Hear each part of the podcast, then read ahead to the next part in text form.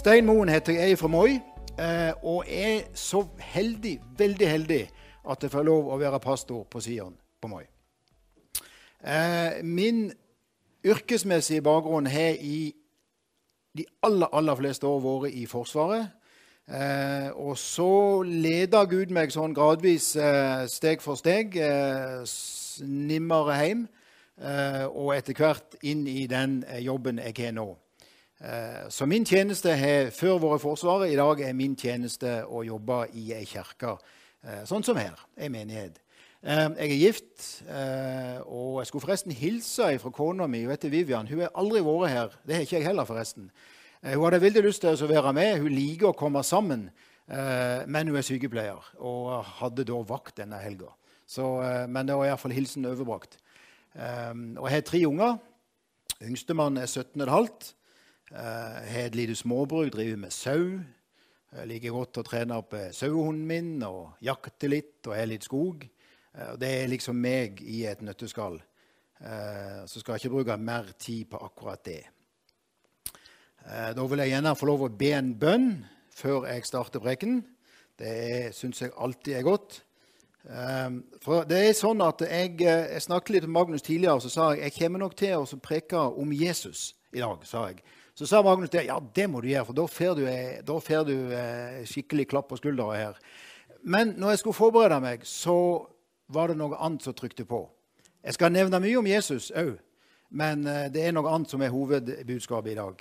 Men takker deg, Herre, takk at du er midt iblant oss i dag. Takker deg, Herre, at du vil noe med meg. Du vil noe for hver enkelt som er her inne i dag. Takker deg, Herre, at eh, jeg kan legge min svakhet i dine hender, for i deg så kan jeg, til og med jeg kan være sterk. Takker deg for ditt ord. Det er sannhet. Hjelp du meg å snakke sant i de neste minuttene. Amen. Amen. Da skal jeg eh, bare bruke to sekunder, så skal jeg få på dette her eh, greien her. Når jeg ser ned i dåpsskummen her, så eh, kan tro jeg i går kveld hadde vi en fin stund på Moi. Da fikk jeg lov på ungdomsmøtet å, å døype to av ungdommene, og det er jo fantastisk. Så nå blir neste dåp blir eh, første pinsedag. Så du ser det der, der er smittsomt. Så en må bare undervise om dåp. Fikk jeg opp den, og da gjør vi sånn. Da er vi der. Eh, jeg eh, skal nemlig i dag snakke litt om den situasjonen vi alle er i. Ikke bare menigheten, men eh, alt rundt dere i samfunnet i dag. For det er jo sånn at vi håper jo, og vi tror jo, og vi vet jo, at vi nå er liksom sakte, men sikkert på vei ut av denne pandemien, pandemien til livet etterpå. Life beyond covid-19. Eller la vie eh, après covid-19. Stemmer det? Jeg må, jeg må holde ved like fransken når jeg, når jeg, når jeg først kan. Eh, og, og da er det sånn at eh, Vi som driver menigheter og er aktive med i menigheter, vi ønsker jo veldig gjerne å komme i gang igjen med alle aktivitetene og se alle de samme folkene. Og Det har vært litt av temaet. Vi har hatt eh, nå eh, etter nyttår hatt en del sånne nett, nettmøter med pastorer og ledere i pinsebevegelsen. Det har vært litt av temaet. Hva nå når vi skal starte opp igjen? Er det bare å trykke på en knapp, og så er alt i gjenge? Så det viser seg at de aller fleste, når vi snakker med folk, så har liksom, det har skjedd en endring. Atferdsmønsteret blant folk har endra seg bitte litt. Kanskje først i byene, eh, der det kanskje er en menighet som har et lokale litt sånn i et industriområde, og så er medlemmene spredt rundt i hele byen. Og så kom 12. mars i fjor, og så var det bare Så var alt fellesskapet var vekke. Eh, Litt annerledes på små plasser, iallfall på Moi, som sikkert er enda mindre enn Nærbø. Der, der, der, eh, der treffer vi jo hverandre på butikken, på veien, på heia. Altså, du, du har litt mer av det der fellesskapet. Du treffer hverandre. I en by er det ikke sånn. Men vi ser det òg på Moi nå, at atferdsmønsteret til folk har altså endra seg. Sånn, kanskje det blir litt sånn som en ny start. Når vi etter hvert nå utover høsten håper vi kan legge til side disse smittevernhensynene. Kanskje det blir litt sånn som når du spiller Monopol, at du eh, trekker kort, og så rykker du tilbake til start. Jeg tror ikke det blir helt sånn, men jeg er iallfall sikker på at det er ikke bare å trykke på en knapp, og så er alt tilbake i samme gjengen. Og jeg tenker godt er det. 12. mars i fjor, når vi lytta på pressekonferansen i staben vår på Moi, og vi skrudde av den, så sa jeg jippi, sa jeg. Nå er kirka flytta ut av bygget og inn der han hører hjemme. I heimene, på SFO, i barnehagen, i industrien, på gårdene. Det var sånn det starta. Og så kan vi snart samles igjen. Og jeg er litt sånn spent på, når historien om Sion Moi skal skrives en gang i framtida, eller Betel Nærbø, om det blir sånn som det var når vi leser historien om de første kristne. F.eks. i Apostlenes gjerninger kapittel 6 vers 7. Der stender det at Guds ord nådde stadig flere, og tallet på disipler i Nærbø økte sterkt. Eller i kapittel 9 og 31 så stender det at menigheten hadde nå fred over hele Jæren og Rogaland og hele distriktene. Den ble bygd opp og levde i ærefrykt for Herren, og den vokste, styrket av Den hellige ånd. Apostelens gjerninger 931.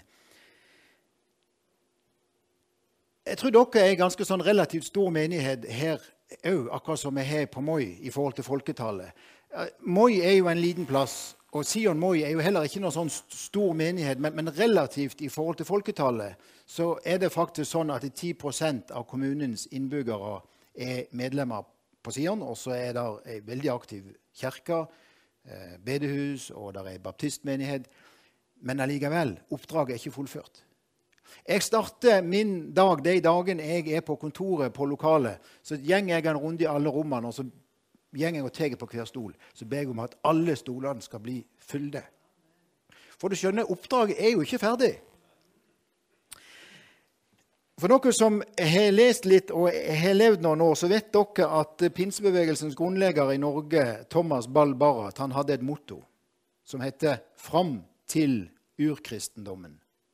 Litt sånn grammatikalsk, eller grammatisk litt sånn feil, men, men det er veldig bra poeng med det. Fram til urkristendommen. Og Nå er jeg litt over gjennomsnittet interessert i historie, tror jeg. Velger iallfall å tro det. Og Jeg blir litt glad når jeg hører at Øystein Gjerme, som er liksom lederrådet i pinsebevegelsen, sin leder nå, forteller at han har jubileumsboka fra pinsebevegelsens 75-årsjubileum liggende oppe i stua si. Så setter han seg og så ble han i den boka når han har litt tid innimellom. Og så forteller han det at det er slående hvor mange av pionerene våre i Norge som starter sin fortelling med at den hellige ånd la si hånd på meg og ba meg å reise dit, eller ba meg å gjøre det. Veldig mange. Den hellige ånd leder de. Nå er det jo sånn at Når vi nå skal starte opp igjen og, og vi kan ta vekk disse smittevernene, så er det jo en masse ting som må, må gjøres og komme i gang igjen. Eh, jeg skal nevne tre ting av det i dag. og Den tredje tingen er liksom det som på en måte blir temaet i, i, i prekenen min. Men den første tingen er dette med ordets tjeneste, altså forkynne evangeliet.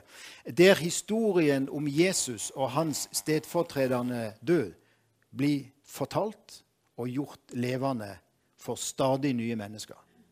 Det er det sentrale. At denne historien fortelles på en sånn måte at menneskene i vår tid sier det samme om oss som Det høye råd gjorde på apostlene sin tid. Peter og Johannes de ble arrestert, kasta i fengsel. De ble tatt på fersken i å forkynne evangeliet. Så ble de stilt for Det høye råd, og de ble kryssforhørt opp og ned og i mente. Og De svarte jo veldig godt for seg. De svarte så godt for seg at disse medlemmene i Det høye råd de kom til en konklusjon i Apostlenes gjerninger 4, 13. Og Den konklusjonen var at disiplene hadde vært sammen med Jesus. Altså Det å være nær med Jesus over tid, det gjør noe med folket. Det gjør noe med deg, og det gjør noe med meg. Og det synes.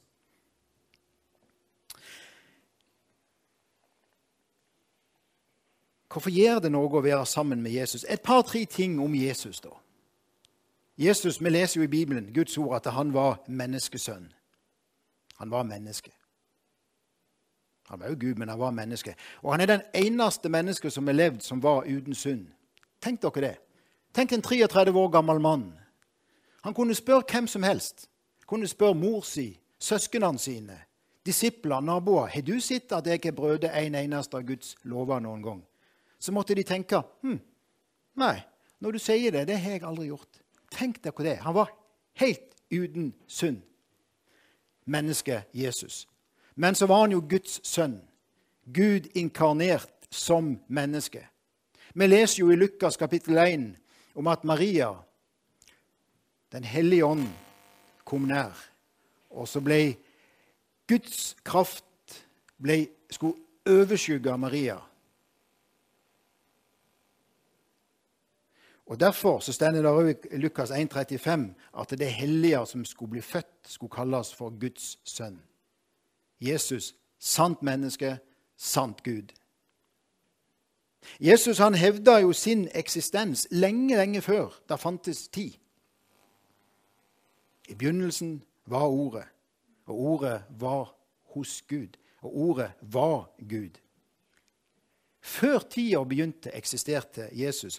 Han sa jo til meg i en diskusjon med jødene, du kan lese om det i Johannes kapittel 8. De diskuterte Abraham og viktig, hvor viktig Abraham var for denne frelsesplanen. Så sier Jesus at 'jeg er' før Abraham ble til. Igjen litt sånn grammatisk rart.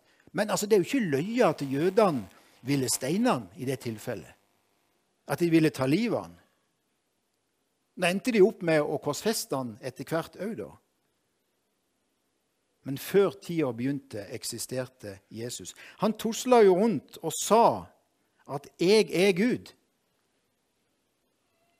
Han sa 'jeg meg er gitt all makt', sa Jesus. Makt til å tilgi synd, makt til å helbrede mental og fysisk sykdom, makt til å drive ut onde ånder. Han hadde til og med makt over naturkreftene, demonstrert når han stilte en storm på Genesaretsjøen. Det er jo ikke rart at folk blir påvirka av å gå sammen med Jesus. Og til og med i hans død så manifesteres hans status som guddommelig gjennom ellers helt uforklarlige naturfenomen. Så kraftig var det at til og med disse romerne som var der rundt Golgata når Jesus døde, som ikke hadde noe peiling på Gud og dem, og iallfall ikke på hvem Jesus var, måtte bare erkjenne sannelig denne mannen var Guds sønn.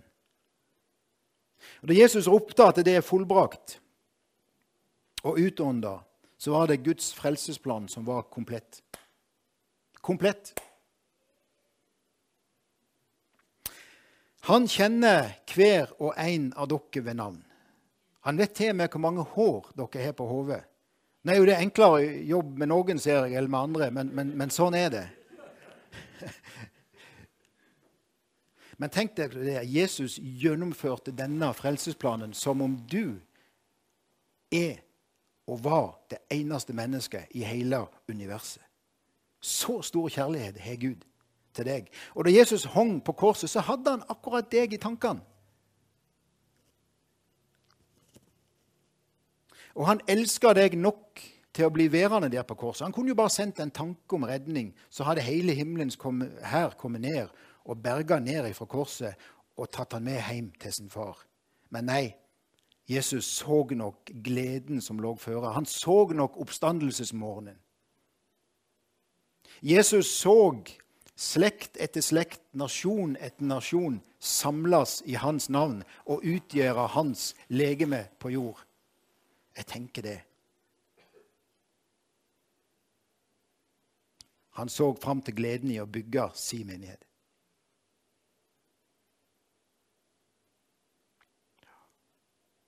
Og jeg tenker jo at han så jo helt fram til den dagen at vi skal regjere sammen med han i hans rike en dag. Så altså ordet om korset var, er og blir fundamentet for alt vi gjør i Guds rike. Det blir viktig. En, en, annen, en annen ting som vi nok merker òg i det praktiske, det er dette med disippelgjøring. Disippelgjøring. Det å, å, å utdanne, være med og fasilitere for etterfølgelse av Jesus. Og det gjenger alltid fra det praktiske til det åndelige. Frivillighet, engasjement. Du vet, Det er jo sånn nå at plutselig så fikk alle oss fikk masse tid som vi ellers hadde brukt i forskjellige fellesskapssammenhenger, enten i menigheter eller i andre konserter, andre foreninger vi er med i, som vi nå har brukt på oss sjøl over et år. Og det er vanskelig, vi merker det, det er vanskelig å få folk liksom engasjert igjen. Det var et, et av bønneemnene dere, dere har her. Jeg tenker det tar tid. Det tar tid. Eh, på Moi, når jeg begynte for et, godt og vel to år siden, så, så begynte jeg med hver, som, hver, person som på en måte slutter i en tjeneste, enten for å gå over i en annen tjeneste, eller at det er helt naturlig pga. alder eller andre ting flytter, at de må, de, de, må, de må gå ut av en tjeneste, så utfordrer jeg dem. Hvem har du tenkt skal overta til deg? Hvem har du lært opp, sånn at når du trør, trø til side, så er neste generasjon eller nestemann klar. Og Det tar tid å bygge opp en sånn en disippelkultur, der vi lærer opp innenfor alle tjenester. Det, vi begynner å se litt sånn frukt av det nå, men, men det er ennå lang vei å gå.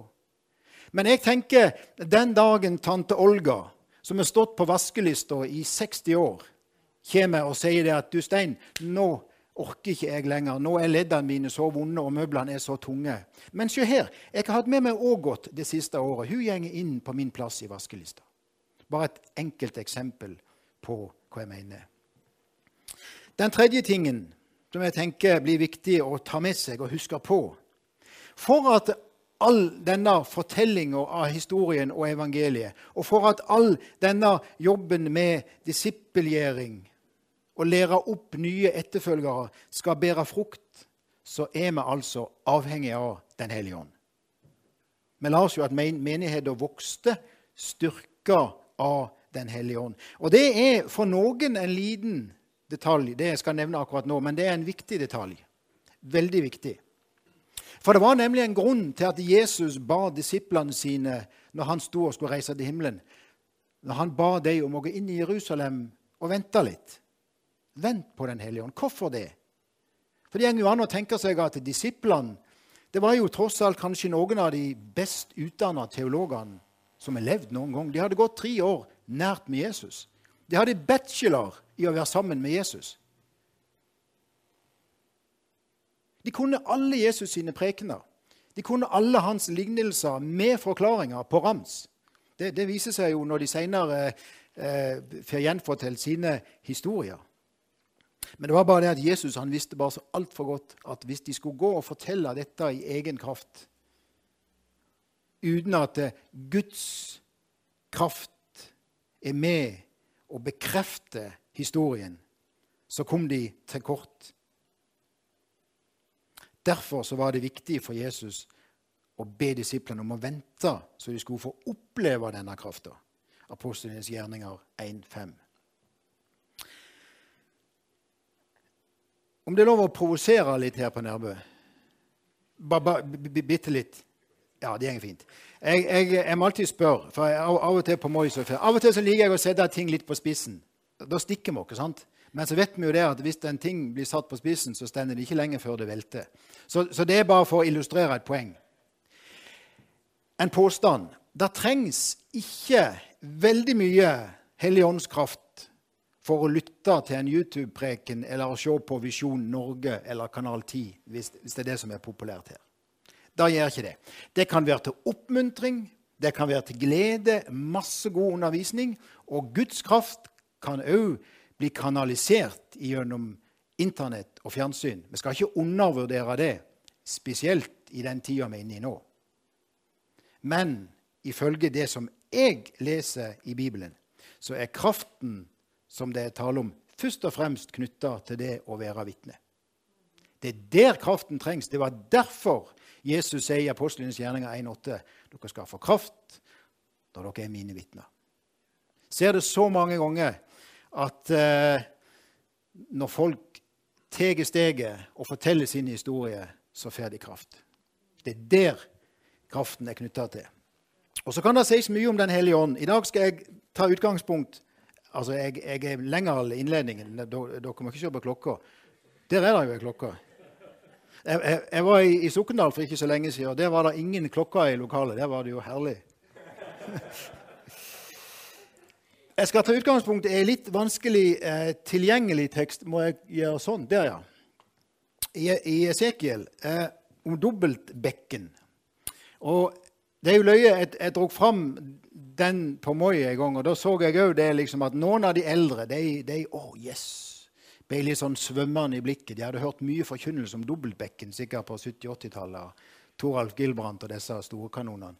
Og så kunne jeg se på de unge at det, liksom, det, var, det var, ingen hjemme. Aldri, hørt om dobbelt, aldri hadde hørt om, om dobbeltbekken. Så spurte jeg en i, i 40-årene liksom, hva eh, dobbeltbekken Hadde det noe med tvillingfødsel å gjøre? Han trodde det var noe med sånn bekken de brukte på Men det er nok ikke det. Eh, og eh, nå, nå, er det, jo, det er jo litt sånn kananspråk, det her greien. Eh, men jeg skal, jeg skal, prøve å ikke bruke for mye sånn kananspråk. For, for, hvis ingen forstender hva vi sier, så gir det jo ikke mening. Da er det ikke noe vits. Men Esekiel kapittel 47, vers 1-12. Og vi skal lese, rett og slett. Og så kommer teksten opp på skjermen.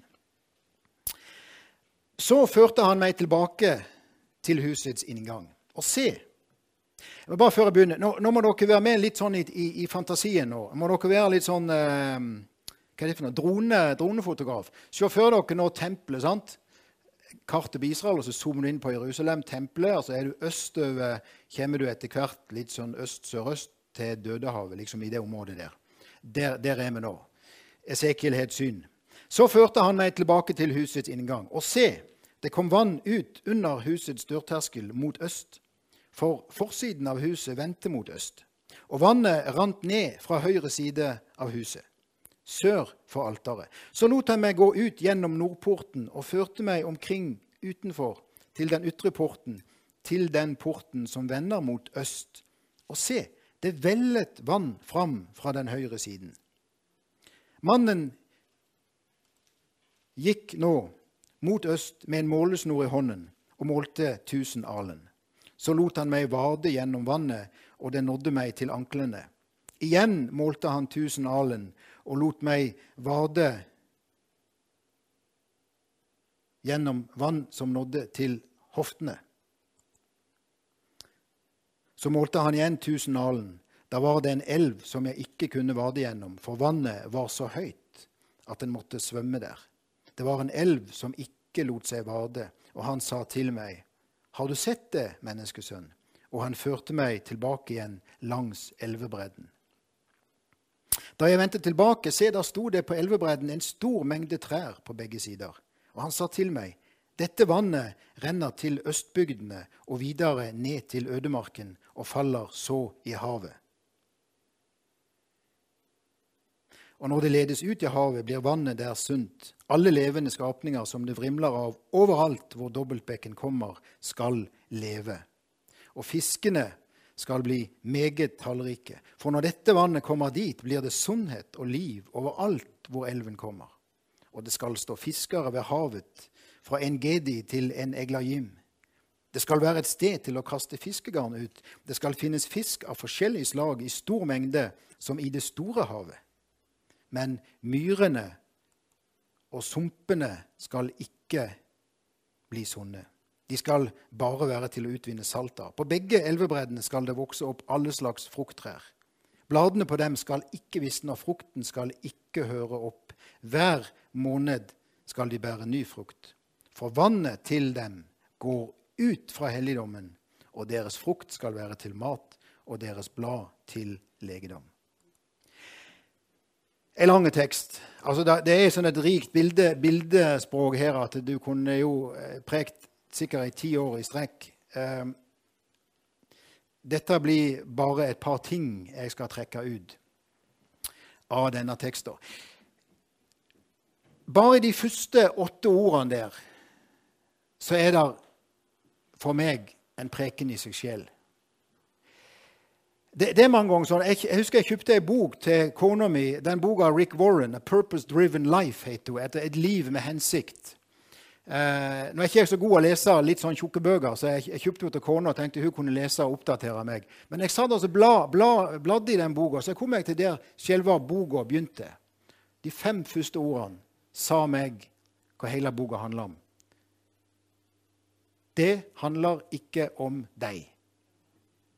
Da, da, selvfølgelig så er det en bra bok, og jeg burde jo hatt lest den. Men jeg, sånn er det litt her med de første åtte ordene. Så førte han meg tilbake til husets inngang. Altså, Esekiel hadde vært her før. Tydeligvis. Jeg skal komme litt tilbake til det. Men han lot seg føre. Han lot seg lede. Og det er veldig viktig. For det er nemlig sånn at Gud vil mange ganger ha oss i tale, og bruker forskjellige metoder til det. Men det viktigste tingen er jo Bibelen. Der taler jo Gud til oss hele veien. Bibelen gir masse tips om hvordan vi skal ha et godt liv, både i det timelige og det åndelige. Men så opplever vi av og til at mennesker snakker inn i livet vårt, fått et eller annet ifra Gud, eller at Gud kan på en direkte tiltale si til meg og deg ting. Og da er det jo veldig lett da at ja, jeg vet at jeg egentlig skulle gått til venstre, men jeg har jo alltid gått til høyre, og det har jo vært så bra. Og det har gått veldig godt før. Og så bestemmer vi oss for det. Det er nemlig sånn at Gud tvinger ingen, heller ikke når det gjelder det å være leder av Den hellige ånd. Det er sånn at når Gud taler til oss på en eller annen måte, så må en faktisk intellektuelt bestemme seg for å la seg lede. Og så er det et annet poeng med de første åtte ordene. Han blir ledet tilbake til forsida. Han hadde vært der før. I et hus, alle som er et hus her, vi sier at vi har ei framside og ei bakside. Sånn er det i dette bildet òg. Dette huset òg. Der er ei forside, der er én hovedinngang. Der ble han tatt med tilbake. Det er noen plasser som er viktigere å oppsøke og ha fokus på enn andre. Det er nesten sånn at du kan trekke parallellen når Judas skriver i sitt brev i vers 3, helt i starten. Det var Judas opptatt med noen skriverier. Så bare fikk han en tanke om at han måtte spisse skriveriene inn mot den tro som en gang for alle er overgitt. Altså et sentralt punkt. Johannes skriver det samme i begynnelsen av sitt første brev. Det som var fra begynnelsen. Det var livets ord. Johannes skrev også i det andre kapittelet i sitt første brev.: La det som dere har hørt fra begynnelsen, bli i dere. Jeg tenker at det er viktig å hele tida la seg lede tilbake til utgangspunktet for trua vår. Framsida på evangeliet, det som er synlig for alle, og som bør være synlig for alle, nemlig evangeliet om korset og historien om Jesus. Navnet Jesus tæres ei av tidens tann, synger vi i en gammel sang. Og i vår iver etter å gjøre våre aktiviteter Nå, nå peker jeg innover. Etter å gjøre våre aktiviteter attraktive for dagens mennesker. La oss holde fast på Jesus så er det heller helt riktig å holde løst på former og type aktiviteter. Men holder vi fast på kjernen, så er det lettere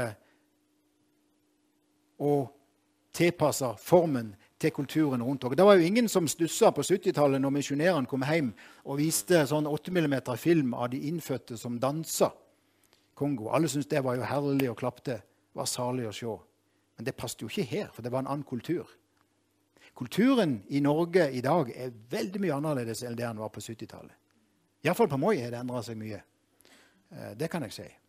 Men det er altså viktig å holde fast på evangeliet. Det må vi aldri glemme. Vi, kan la, vi la oss òg at det kom vann ut, og det veller vann. Ordet 'velle' er jo et ord vi ikke bruker så mye, iallfall ikke på Moi nå for tida. Så jeg måtte inn i Norsk akademisk ordbok og finne ut hva det egentlig betydde.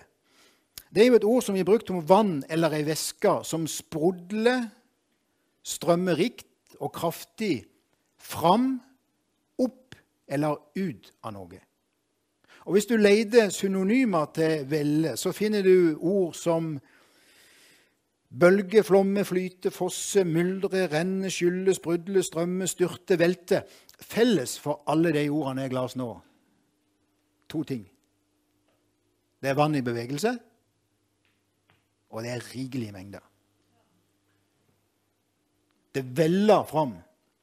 Og Når det gjelder Guds herlighet, for denne elva var et bilde på Guds herlighet Når det gjelder Guds herlighet, så opererer altså ikke Gud med kniv og gaffel eller teskje. Der er det så rikelig at det er nok å ta og ause. Det er forresten er, Dere har en bensinstasjon her. Dere sitter der med små klistrelappene på bensinpumpen. Der står en dato, så står det eh, Statens justervesen. Det himmelske justervesenet har et litt annet forhold til mengde, mål og mengde eller statens justervesen. Frelsens kilde gjenger altså aldri tom. Hvorfor kom dette vannet Dere husker jeg sa dere måtte visualisere kartet nå. Hvorfor kom dette vannet innenfra tempelet, og hvorfor rant det mot øst? I kapittel 43 finner vi noe av den forklaringa. I vers 1 og 2 så førte han meg dette var, Vi så jo tidligere at Esekiel hadde vært her før. så dette var en av de gangene han hadde vært der før. Så førte han meg til den porten som vender mot øst. Og se, herligheten til Israels Gud kom fra øst. Med et drønn som av store vannmasser, og jorden strålte av hans herlighet kan vi gå til vers 4 og 5 i 43. Og Herrens herlighet kom til tempelet gjennom den porten som vender mot øst. Da løftet Ånden meg opp og førte meg til den indre forgården. Og se, Herrens herlighet fulgte tempelet. Dette er som sagt et bilde som Esekiel bruker. Eh, men nå skjønner vi hvorfor vannet, denne elva, som blir kalt for Dobbeltbekken, kom ut ifra tempelet og rant mot øst. For det var nemlig ifra den samme retningen hele Guds herlighet i form av noen voldsomme vannmasser kom inn, og inn ikke gjennom bakdøra, ikke gjennom sidedøra eller gjennom nødutgangen, men gjennom framdøra. Og så fulgte han hele tempelet. Norsk er jo et fattig språk Eh, jeg, jeg mener ikke leste en gang at det ordet som er oversatt i Bibelen med 'herlighetens herre', er et av de kraftigste og mektigste ordene som blir brukt om Gud på originalspråket. Det hebraiske ordet for herlighet kommer egentlig fra ei rot som betyr tyngde. De sa bl.a. det om rike folk, at de, de var tunge. De hadde en stor rikdom. Hvis en da tenker seg at Guds egenskaper som kraft, skjønnhet, hellighet og kjærlighet Vekten av alle disse egenskapene Gud gir han hans herlighet. Og den kom ifra øst, inn gjennom framdøra og fulgte tempelet. Og det var altså mot øst framsida var. Og det var derifra Guds herlighet kom. Hva er hoveddøra i vår historie i dag? Hva er, hva er hoveddøra i evangeliet? Golgata, tenker jeg. Jesu død og oppstandelse. Der finner vi opprinnelsen til vår kraftkilde. Der er hoveddøra inn i evangeliet. Alle andre dører inn. Der er bare ett navn som gir frelse, og det er Jesus. Det er der vi finner opprinnelsen til vår kraftkilde, denne oppstandelseskrafta som Paulus beskriver så glitrende i Efeserne kapittel 1. Les det når du kommer hjem. Skal du bli oppmuntra. Og nå, i vår tekst, så renner altså vannet ut ifra tempelet. Og elva, som man etter hvert blir, starter der i tempelet. Starter på Guds trone. Det er der Gud tar sine beslutninger. Det er der kongenes konge sitter og regjerer. Det er der han bestemmer. Derifra kommer denne kraftkilden. Vi er så heldige på Moi, sier jeg. Vi har en strengemusikk ennå. Riktignok vært litt parkert nå eh, dette pandemiåret, for de er jo i risikogruppa hele gjengen. Men de synger en, en sang om denne kilden. Det fins en kilde fra Gud den veller fram, det levende vannet, en kjærlighet fra ham. Drikk av det vannet, og evig liv du får. Det fins en kilde fra Golgata den går. Og Dette er rent vann. Dette er ikke noe grumsete myrvann som må renses. I møte med denne kilden, i møte med det levende vannet, så gjenger smitten og skitten bare én vei. Sånn er det bare. Den gjenger ut ifra dette vannet. Esekiel han eh, ble jo etter hvert leda ut, og så, kom han, så vannet nådde han til anklene. Og Det syns han sikkert var herlig. Det er jo veldig deilig en sommerdag når du er på heia og du kan ta av deg svette fjellsko og duppe beina i friskt vann. Det er jo fint å skvette litt. Jeg kan tro Esekiel kanskje var tilfreds der han var. Så var det, men så skulle han se, men så hadde denne mannen gått videre. Tusen nye alen. Kom, Esekiel, lenger ut. Hvor lett er det ikke å la oss bolte fast på en plass? Kanskje du har kjempa med en ting en stund, og så har Gud endelig fått fatt på deg, og så har du tatt et steg ut i vannet. Så kjenner du strømmene. 'Å, her er det salig, her vil jeg være.' 'Nå er jeg her Gud vil ha meg.' Så åpner du øynene. Nei, så vil Gud ha deg enda lenger. Det er veldig lett å bolte seg fast når vannet vil Når vannet, du kjenner kreftene av vannet. Men så er det jo sånn dere har jo mye strender litt ut på, sjø, på, sjøen her. Når du gjenger utover lange lang strand, så blir du gradvis lettere og lettere. Du har beina på jorda ennå. Gradvis lettere og lettere. Til slutt så flyter du. Så kan du da koordinere bevegelsene med armer og bein, og så kan du bevege deg der du skal.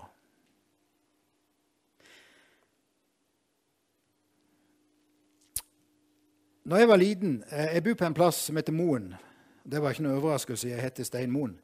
Uh, der renner det ei ån gjennom dalen. Hver eneste sommer så hadde vi unger en konkurranse der. Det var om hvem som kunne gå lengst mulig under vann.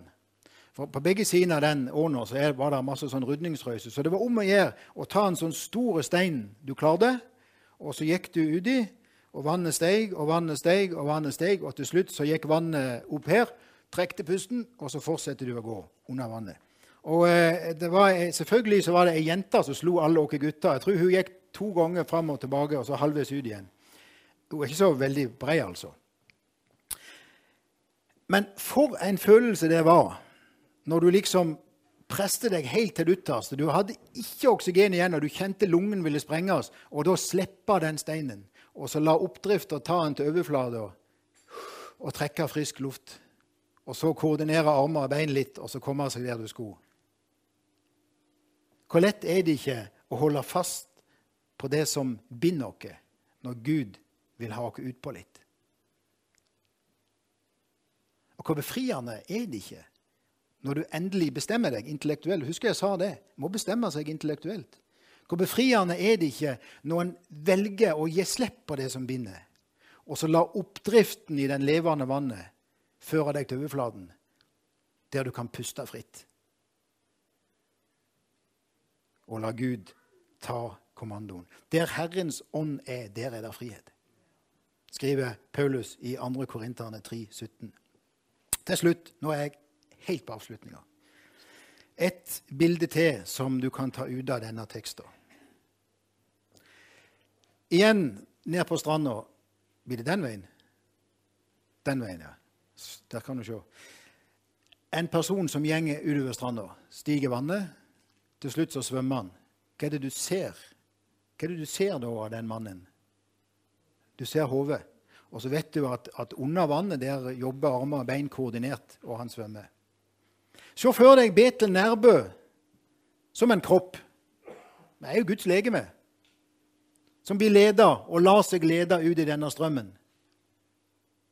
Og lar seg lede så langt at den faktisk mister litt bakkekontakt, mister litt kontroll og billedlig talt må svømme, hva er det som blir synlig da på overflata?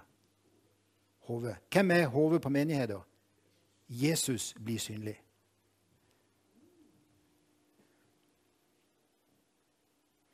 Hodet på menigheten blir synlig, og overalt rundt dere er det sunnhet og liv og helse. Ta det med som en oppmuntring. På begge elvebreddene skal det vokse opp alle slags frukttrær. Bladene på dem skal ikke visne, og frukten skal ikke høre opp. Hver måned skal de bære ny frukt. For vannet til dem går ut fra helligdommen, og deres frukt skal være til mat, og deres blad til legedom. Amen.